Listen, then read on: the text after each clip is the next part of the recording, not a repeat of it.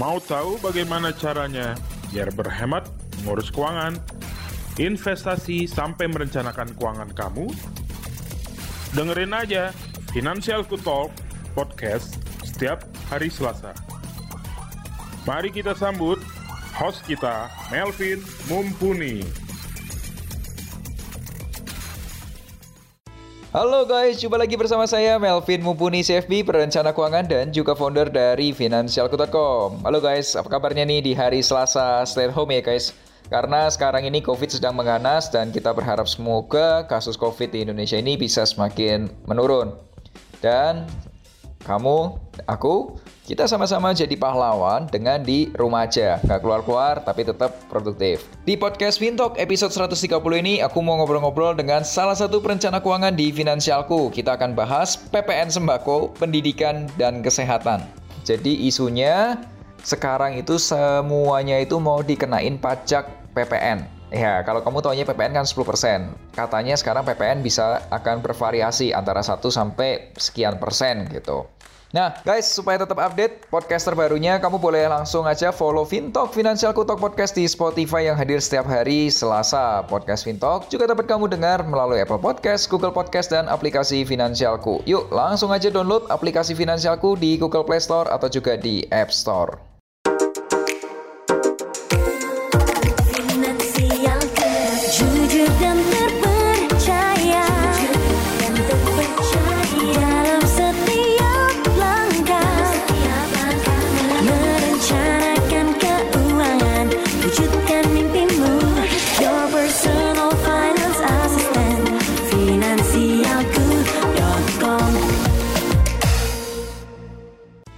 Sebelum bahas lebih detail, Sobat Finansialku juga dapat mengirimkan pertanyaan atau curhat keuangan melalui fitur konsultasi keuangan di aplikasi Finansialku dan kasih juga hashtag curhat keuangan.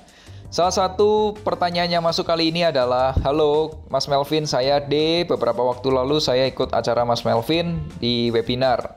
Ya, webinar itulah ya. Oke, Sejak dari situ, saya tahu kalau Mas Melvin juga punya podcast dan ternyata bisa curhat juga. Nah, saya mau curhat nih Mas. Saya sudah usia 39 tahun dan termasuk terlambat berinvestasi. Saya tidak punya banyak investasi, hanya satu rumah yang saya tinggali dan satu rumah yang saya sewakan. Sisa uangnya di tabungan, deposito, dan mentok di emas. Oke. okay. Lalu apakah saya perlu beli investasi seperti saham, reksadana, peer-to-peer lending, atau cryptocurrency? Terima kasih Mas Melvin, semoga bisa dijelaskan. Terima kasih, oke. Yuk, halo Mas D. Uh, terima kasih juga sudah mendengarkan dan curhat di podcastnya Vintalk dan Mas D sebenarnya gini ya, tidak menurutku nih ya, tidak ada kata terlambat untuk berinvestasi dan tidak ada salahnya kalau terlambat berinvestasi. Jadi kalau kamu, teman-teman semua, ada yang merasa terlambat untuk mulai berinvestasi, it's not your fault. Itu bukan kesalahan kamu. Oke? Okay? Kenapa? Gini. Karena bisa jadi saat Mas Mas D ini masih muda dulu, itu bisa bisa saja lagi fokus meniti karir atau lagi fokus dagang supaya ngumpulin modalnya dulu untuk nanti diinvestasikan. It's okay. Atau mungkin juga ada teman-teman sobat finansialku yang saat ini merasa utang budi dengan orang tuanya lalu bekerja mati-matian, kodah bantu orang tuanya kasih biaya ke orang tuanya dan lain sebagainya sehingga uang yang diinvestasikan dikit. It's okay, no problem. It's good. It's good. Nah, so apa yang perlu dilakukan gini? Seandainya nih ya, Mas D memang merasa sudah terlambat, it's okay, no problem, karena kita nggak bisa mundur lagi. Yang kita bisa lakukan ke depan, ya udah fokus aja, mulai berinvestasi. Kalau punya waktu untuk belajar ya coba belajar dari belajar dulu, ya. Kemudian, kemudian setelah kamu belajar dulu, kamu mulai berinvestasi. Nah, kalau di finansialku kan ada banyak tuh, ada grup belajar reksadana, grup belajar saham, atau sekarang juga ada uh, belajar trading, ya. Nah, tapi kalau kamu merasa tidak ada waktu belajar, ya ngobrol aja sama teman-teman kamu atau kenalan-kenalan kamu yang sudah ahli, yang sudah berpengalaman sekian tahun di perdagangan saham atau di perdagangan berjangka dan lain sebagainya atau investasi saham atau investasi reksadana dan lain sebagainya. Karena pengalaman itu matters menurutku. Nah, kamu juga bisa menggunakan jasa profesional seperti perencana keuangan, Buat sobat finansialku, para pendengar podcast Mintok, jika kalian mengalami kegalauan mengenai keuangan, investasi, asuransi, atau apa pun itu, langsung aja curhat ke podcastnya Finansialku. Caranya gampang banget. Pertama, kamu download aplikasi Finansialku di Google Play Store untuk pengguna Android atau App Store untuk pengguna iOS. Kemudian kedua, klik menu konsultasi keuangannya, kasih hashtag curhat keuangan. Follow juga akun Instagram at financial_com dan at mumpuni untuk dapat informasi keuangan yang lebih banyak lagi. Dan guys, aku juga punya program khusus namanya Melek Finansial bersama Melvin Mumpuni di YouTube channel financialku.com. Videonya akan tayang setiap hari Rabu. Ya, besok ya. Di episode besok kita akan bahas cerita tentang investasi pertama. So, supaya kamu tetap update, subscribe YouTube channel finansialku.com dan nyalakan notifikasinya. Langsung aja kita diskusi hari ini bersama Pak Yuki.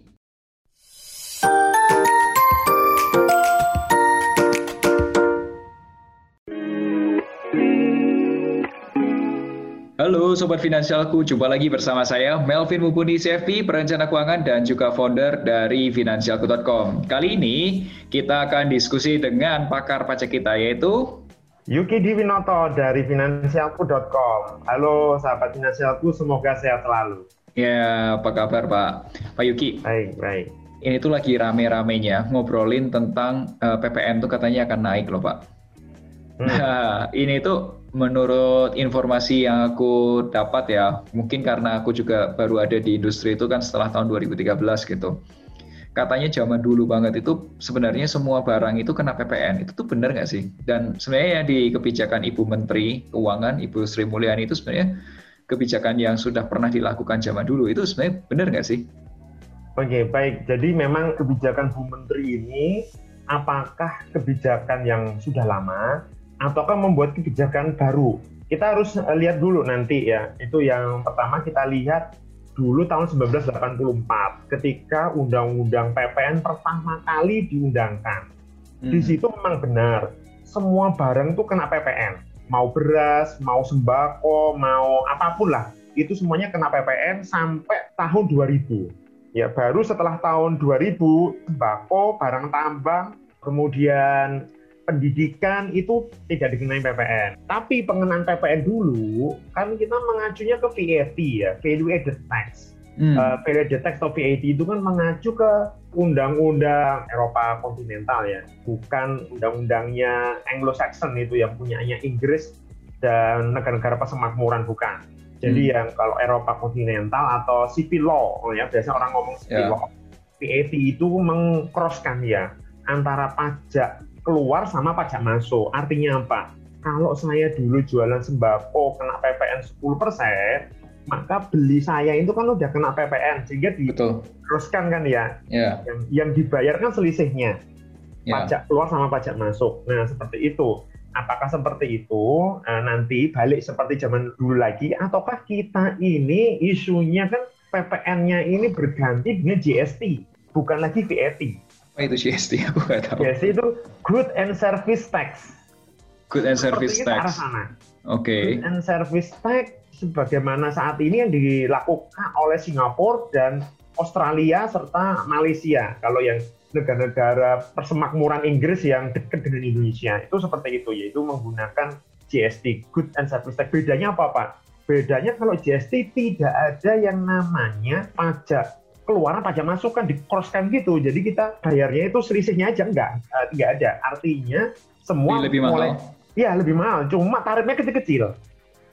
Seperti di Australia itu tarifnya macam-macam ya, mulai dari satu persen sampai tujuh persen, gitu. Di begitu pula dengan Singapura, eh, Australia, Singapura tuh seperti itu juga. Jadi memang tarif multi tarif kalau bahasanya multi tarif modelnya seperti itu. Nah, kita belum tahu kalau nanti ini VRT berarti balik dulu zaman tahun 1984 ya.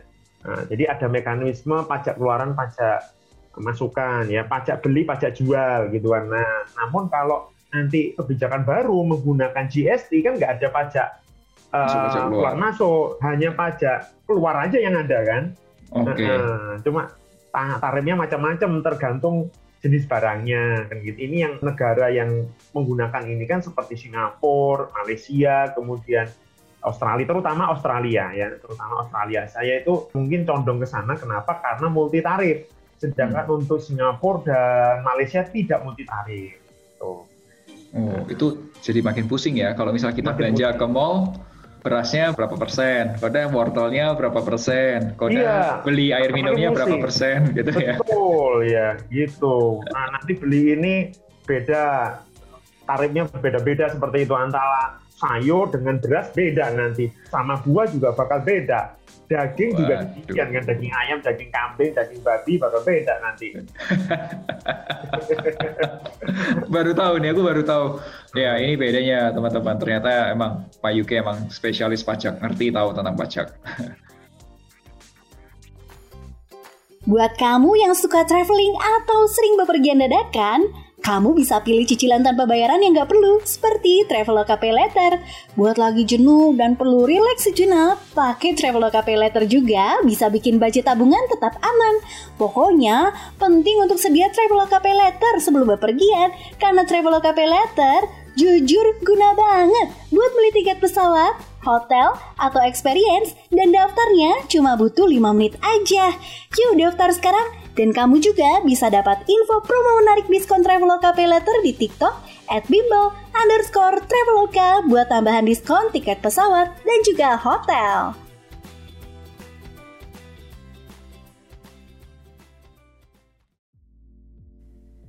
Pak Yuki ini sebelum bahas lebih dalam mengenai pajak PPN yang lagi dikabarkan ribut ini nih, ada pertanyaan dari beberapa sobat finansialku, khususnya yang para pemilik UMKM. Itu tuh bingung. Pak, saya itu sudah bayar pajak tiap bulan. Itu tuh ada yang setengah persen, ada yang satu persen. Hmm. Jadi aku asumsinya itu pajak penghasilan. Nah ini kok ada PPN lagi, itu apa sebenarnya? Nah itu secara garis besar tuh bedanya apa sih Pak? Nah, bedanya gini sebenarnya kalau PPH, PPH itu kan pajak atas keuntungan kita. Ketika kita dagang, jualan, contoh saya jualan kuliner, jualan soto, ya dapat untung ya, untung hmm. bersih nih. Katakanlah untung bersihnya ya 100 ribu gitu kan hmm. ya. Berarti yang kena pajak itu 100 ribu. Tapi Betul. kalau saya rugi kan harusnya tidak perlu bayar pajak. Ya. Yeah. Itu yang dimaksud PPH. Hmm. Sedangkan PPN enggak. Kalau PPN ini kan jenis pajak tapi yang dibebankan bukan kita, bukan owner, tapi dibeban ke konsumen. Nah, hmm. ke konsumen artinya soto ini harganya berapa satu mangkok soto? Kalau harganya satu mangkok soto 50 ribu, berarti kita harus menjual 55 ribu. Gitu. Nah, kita harus menjual 55 ribu. Kalau kita tidak menjual 55 ribu, artinya 50 ribu, berarti harga jual soto kita itu sudah include PPN. Artinya mungkin 45 ribu sebenarnya harga jual kita. Sedangkan yang 5 ribu itu adalah pajaknya si pembeli atau konsumen. Nah itu jadi bedanya di situ ya. Kalau simpelnya gini, simpelnya. PPH itu adalah income. Income itu uang-uang masuk kena pajak gitu ya simpelnya. Sedangkan untuk yang PPN, uh, PPN itu kan spending. Oh, ya. uang keluar. Uang keluar. Jadi cash outflow kan itu. Hmm. Yang paling gampang ya menganalogikannya supaya tidak bingung seperti itu. Tapi kalau yang sekarang kan sebelum apa undang-undang ini diperbarui lagi sekarang kan sebenarnya kalau omset di bawah 4,8 miliar udah nggak ada PPN kan sekarang ini kan? Iya, iya betul. Tapi ini yang jadi wacana katanya akan ada PPN berapapun itu pemasukannya atau penjualannya gitu ya Pak ya? Iya betul. Itu yang jadi wacana kan, Mas Ian?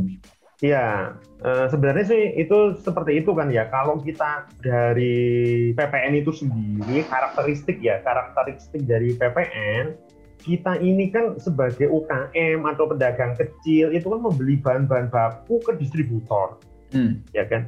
Distributor hmm. itu belinya kan ke pabrik. Hmm. Nah, dari level pabrik sampai distributor itu mereka kan sudah mengut PPN. Yes. Mereka sudah mengut PPN ke kita sebenarnya kan ya. Yes. Nah, so, kemudian kita pedagang kecil yang di bawah 4,8 miliar, kita tidak memungut PPN. Yeah. Kita tidak mau PPN. Artinya PPN yang kita dapatkan dari distributor atau pabrik itu menjadi beban kita. Iya, iya, betul kan? kecil. Nah, beban kita sehingga kita tidak bisa menghilangkan beban itu. Iya kan? Jika kita tidak memungut PPN, kecuali kita memungut PPN, kita baru bisa menghilangkan beban tersebut. Karena digroskan itu kan ya. Tuh. Itu. Hmm. hmm. Kalau ide awalnya kenapa sih kok ada namanya itu PPN atau pajak pertambahan nilai gitu?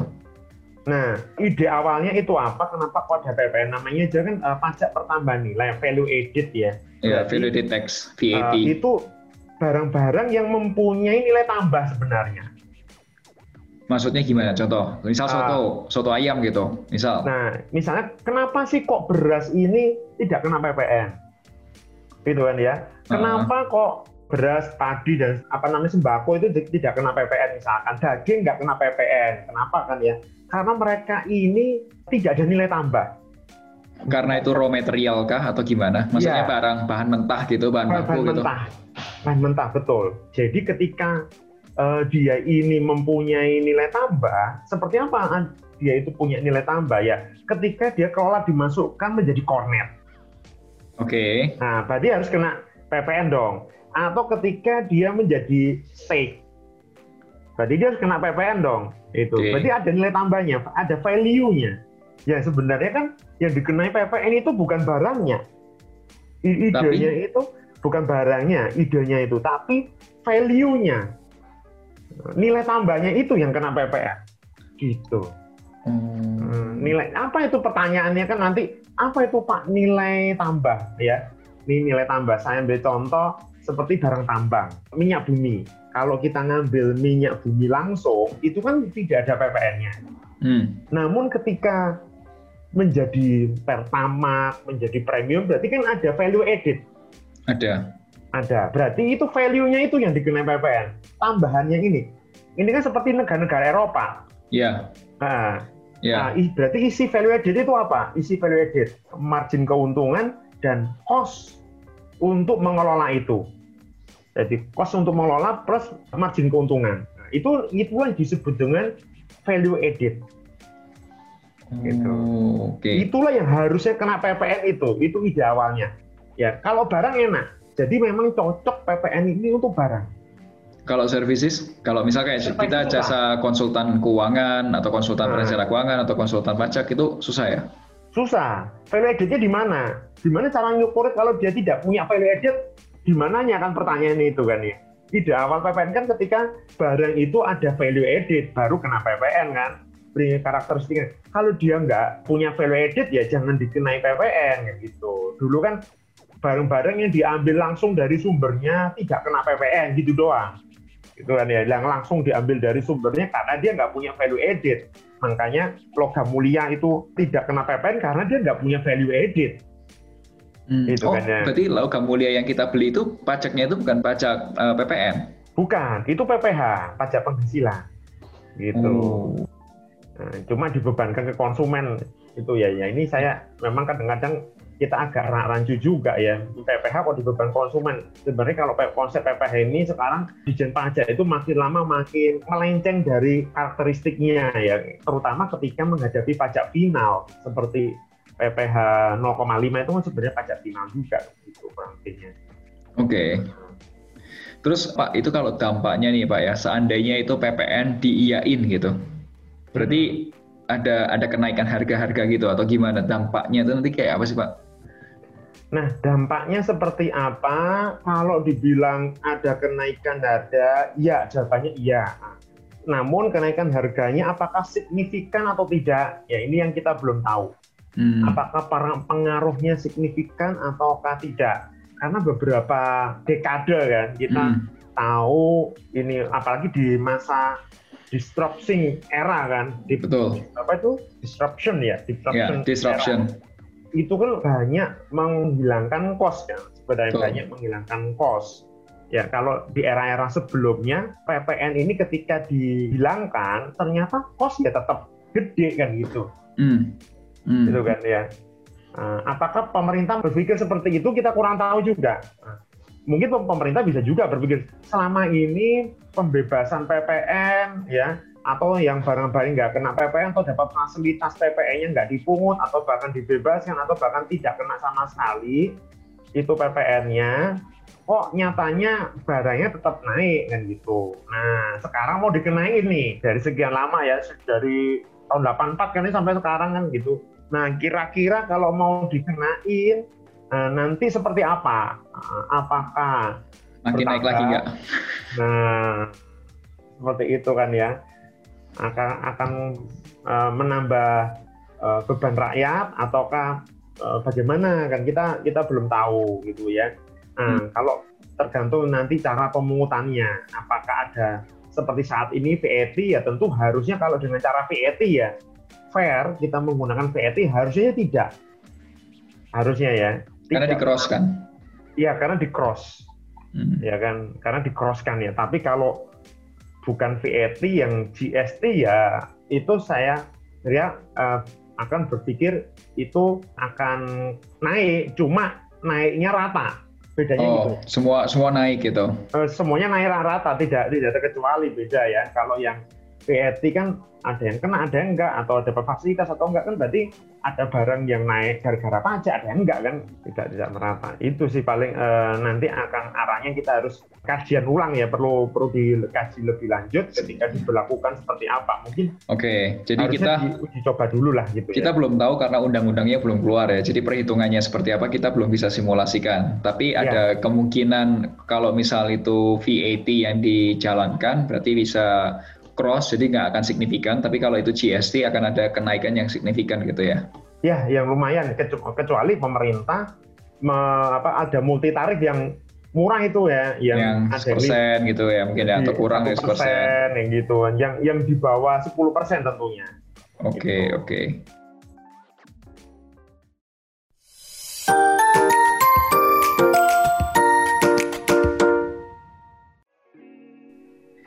Pak Yuki, ini ada pertanyaan lagi spesifik. Misal ada seorang freelance, misal punya toko online atau jualan online atau mungkin dagang lah ya, dagang, misal punya toko atau toko online gitu. Udah lapor pajak penghasilan pribadi, ini nanti apakah ke depan akan juga dikenakan PPN juga freelance? Iya, kalau masalah kena PPN memang pemerintah dari dulu ya, sejak sebelum pandemi itu tahun 2015 itu pemerintah sudah mewacanakan uh, pemungutan PPN hmm. di toko-toko online ya. Hmm. Cuma caranya yang pemerintah belum nemu. Oh. Jadi beberapa caranya belum nemu. Gimana caranya? Misal, apakah yang dulu paling keras disuarakan kalau karena kan kita mekanisme self assessment. Betul. kalau self assessment itu ya harusnya dari sukarela kita ya sebagai wajib pajak ya sebagai Kasih uh, freelance itu ya ya udah saya suka rela deh. Menjadi pengusaha kena pajak PKP saya suka rela saya jualnya include PPN nah, seperti itu. Apakah iya? Ya memang ada sih yang jualan di toko online. Itu menggunakan PPN ada. Tapi itu kan sebenarnya perusahaan yang sudah besar yang istilahnya dia punya offline juga kan. Yang punya offline dan dia memang mengut PPN dari awal terus dia masuk ke aplikasi online. Betul. Seperti itu ada. Biasanya itu kalau ada official store kayak gitu-gitu kan ya. Benar, benar, nah, benar. Nah, bagaimana yang uh, itu yang selama ini tidak mengungut TPN gitu ya. Nah, inilah yang PR-nya pemerintah itu ya. Ternyata kan banyak yang tidak self assessment. Ya, tidak mengungut TPN berarti uh, pemerintah pernah mengusulkan pada waktu itu adalah uh, dengan cara uh, penyedia aplikasi yang memungut itu ya, oh. marketplace-nya. Oh, oke. Okay.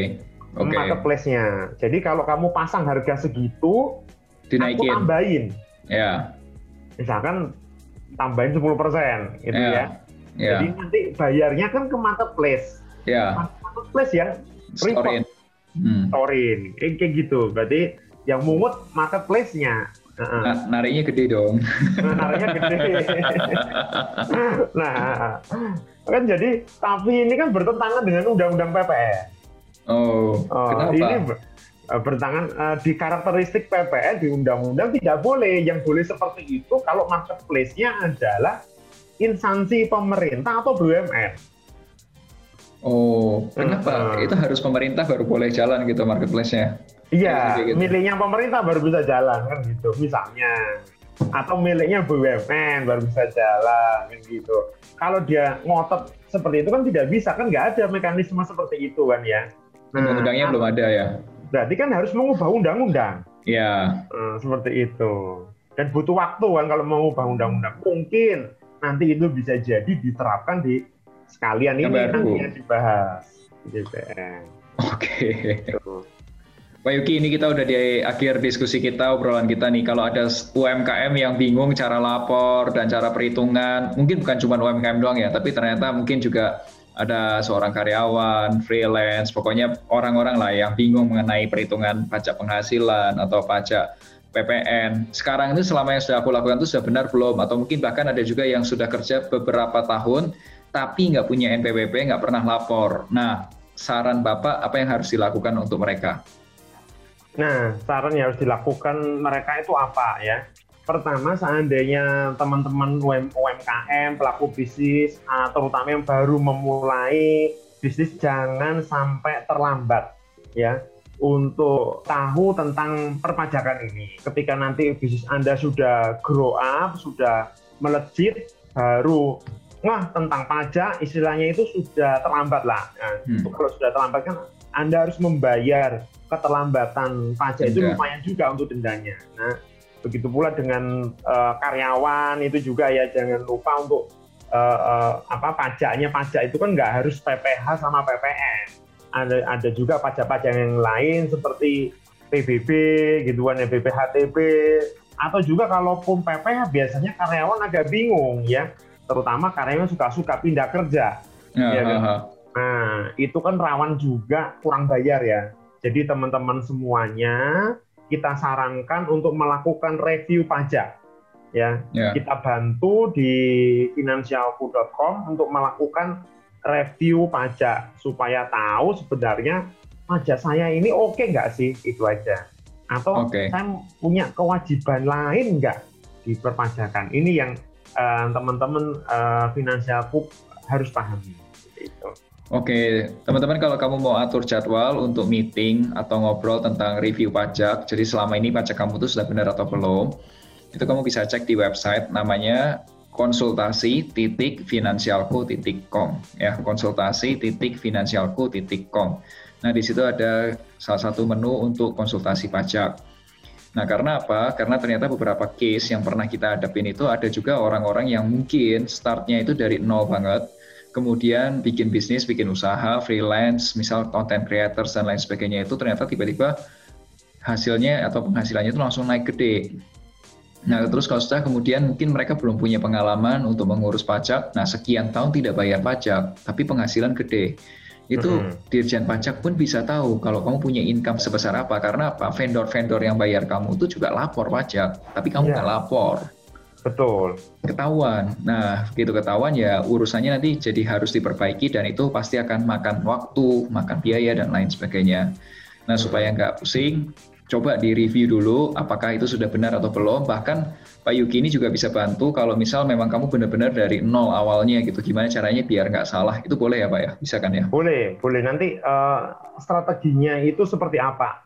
Strategi hmm. kita kita pasangkan step-step harus dilakukan ngapain kan gitu. Soalnya eh, pengalaman kita ini yang namanya UMKM ya, kadang kan orang Pak bisnisku masih kecil Pak, ya belum sampai lah kalau 1 m. Oh, yang namanya rezeki itu nggak ada yang nyangka. Saya baru dapat klien gitu ngomong, ya baru dapat nggak nyampe 1 m Pak, cuma 500 juta, 700 juta paling gede Pak setahun kan itu. Ternyata dia dapat rezeki nomplok ya. Ini uh, apa kartu prakerja ya kemarin yeah divisi kartu prakerja itu biar rame banget gara-gara pandemi itu malah sampai 64 miliar loh dia. Wow. Gila kan kaget sampai dia. Kan rezeki banget kan. Yeah. Dapat dapat durian runtuh lah. Yeah. Karena gara-gara pandemi itu malah dia dapat kayak durian runtuh. Nah, tapi dia lupa pajaknya. Gitu kan. Pontang panting dia. Ya udah ya alhamdulillah sih kita Ngeresin. ketemu uh, kita coba bantu mumpung belum diperiksa masih ada jalan untuk perbaikan hmm. nah ini harus teman-teman sadari kan kalau tiba-tiba wut kan gitu kaget kan yang namanya rezeki nggak ada yang tahu ya gitu oke Thank you Pak Yuki, thank you Sobat Finansialku yang sudah dengerin podcast episode kali ini. Sampai jumpa di podcast FinTalk, Finansialku Talk Podcast setiap hari Selasa. Akhir kata, make a plan and get your financial dreams come true.